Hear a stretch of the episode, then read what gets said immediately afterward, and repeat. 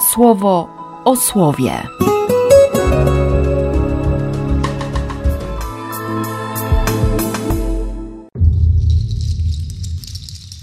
5 października, wtorek. Z księgi Jonasza. Po raz drugi przybyło słowo od Pana do Jonasza i rzekło: Zbieraj się natychmiast i idź do Niniwy, tego ogromnego miasta. Wołaj w niej o tym, o czym miałeś już wcześniej wołać, zgodnie z tym, co ci powiedziałem.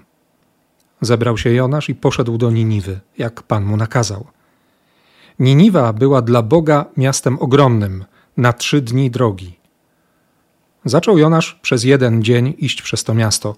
Wołał, mówiąc: Za czterdzieści dni Niniwa legnie w gruzach. I ludzie Niniwy uwierzyli Bogu.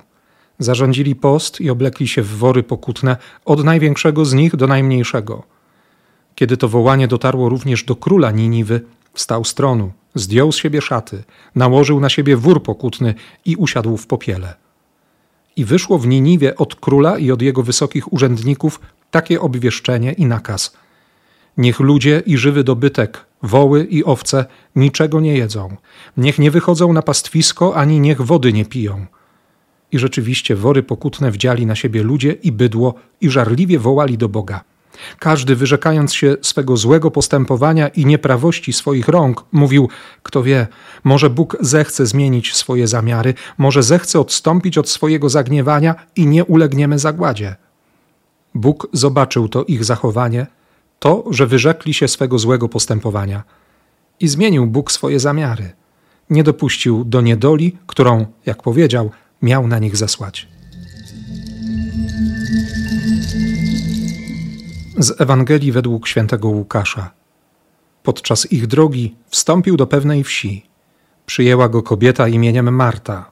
Miała siostrę imieniem Maria. Ta usiadła u stóp Pana i słuchała jego słów. Marta natomiast zajmowała się wystawną obsługą.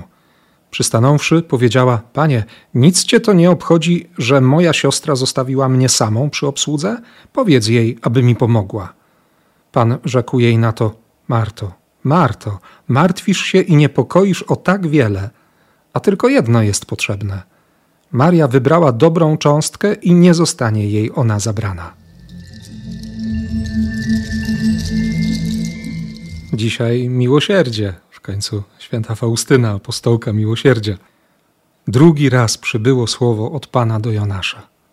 Nie dlatego, jakoby pierwszego nie było, pierwszego razu, bo Bóg mówi dokładnie to samo – Zbieraj się natychmiast, idź do Niniwy, wołaj w niej. Ale dlatego, że Bóg nie rezygnuje. Jemu zależy i na Jonaszu, i na tamtych ludziach. Ludziach, którzy go nie znają, którzy nic nie wiedzą o Bogu, którzy nie mają doświadczenia Boga Abrahama. No właśnie, oni są tacy jak Abraham. Nie znają Boga i robią dokładnie to samo, co Abraham. Uwierzyli, weszli w pokutę, zarządzili post. Nawet król król Niniwy. Dla Izraela to, to symbol wszelkiego możliwego zła. To właściwie znak równości z Szeolem, z piekłem, z totalnym, absolutnym odrzuceniem Boga. Ci ludzie się nawracają. Jonasz, który traktuje ich jak robactwo i głosi im za 40 dni Niniwa legnie w gruzach, może coś powiedział jeszcze o nawróceniu. No, autor księgi o tym nie wspomina.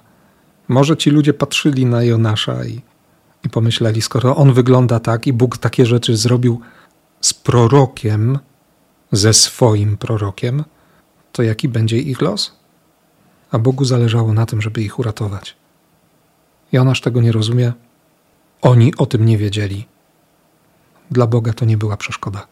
Moja nieświadomość nie jest przeszkodą dla Boga, ale moja świadomość otwiera na na wszystko, na każdą łaskę. Tak jak Jezus wchodzi do tej pewnej wsi, no wiemy dobrze, że, że to Betania, te prawie trzy kilometry od Jerozolimy, wchodzi do swoich bliskich, do swoich przyjaciół. Maria siada u stóp Pana. Słucha, słucha słowa. Marta zajmuje się wystawną obsługą. Uwielbiam ten przekład. Jezus po prostu mówi do Marty: po co tyle tego wszystkiego? Jedno jest potrzebne. robisz dobrą rzecz, ale, ale zrób, zrób jedno. Nie zajmuj się teraz swoją siostrą. Nie potrzebujesz jej pomocy. No może to trudno wytłumaczyć kobiecie, ale, ale Jezus ani nie potępił, ani nie odrzucił i nie skomentował tego z wyższością. Po prostu zaznaczył, zauważył. Cząstka Marii też jest dobra. Jest bardzo dobra. Ona ma teraz czas słuchania i, i niech tak będzie. A ty nie szalej. Nie. Miłosierdzie. Miłosierdzie, które, które ściga i ciebie, ściga mnie. Właśnie teraz, w tej chwili, w tym, co robisz, w tym, co, co ja robię. Miłosierdzie, które mnie ściga teraz przed komputerem, przed mikrofonem i, i patrzącego na, na poziomy głośności. Tak, miłosierdzie, które chce głębi, które chce mojej świadomości, które chce być przyjęte, które mnie zatrzymuje, żebym słuchał, żebym nauczył się słuchać. To posłuchaj tego, co On dziś mówi. Przez słowo, przez milczenie, przez, przez braci, przez siostry, przez życie. Bo to wszystko jest Jego, to jest, to jest Jego przestrzeń. Wszystko i wszyscy są szansą, żeby, żeby Go usłyszeć, żeby z Nim porozmawiać. No, żeby kochać, nie inaczej. I na to wszystko błogosławię w imię Ojca i Syna i Ducha Świętego. Amen. Słowo o słowie.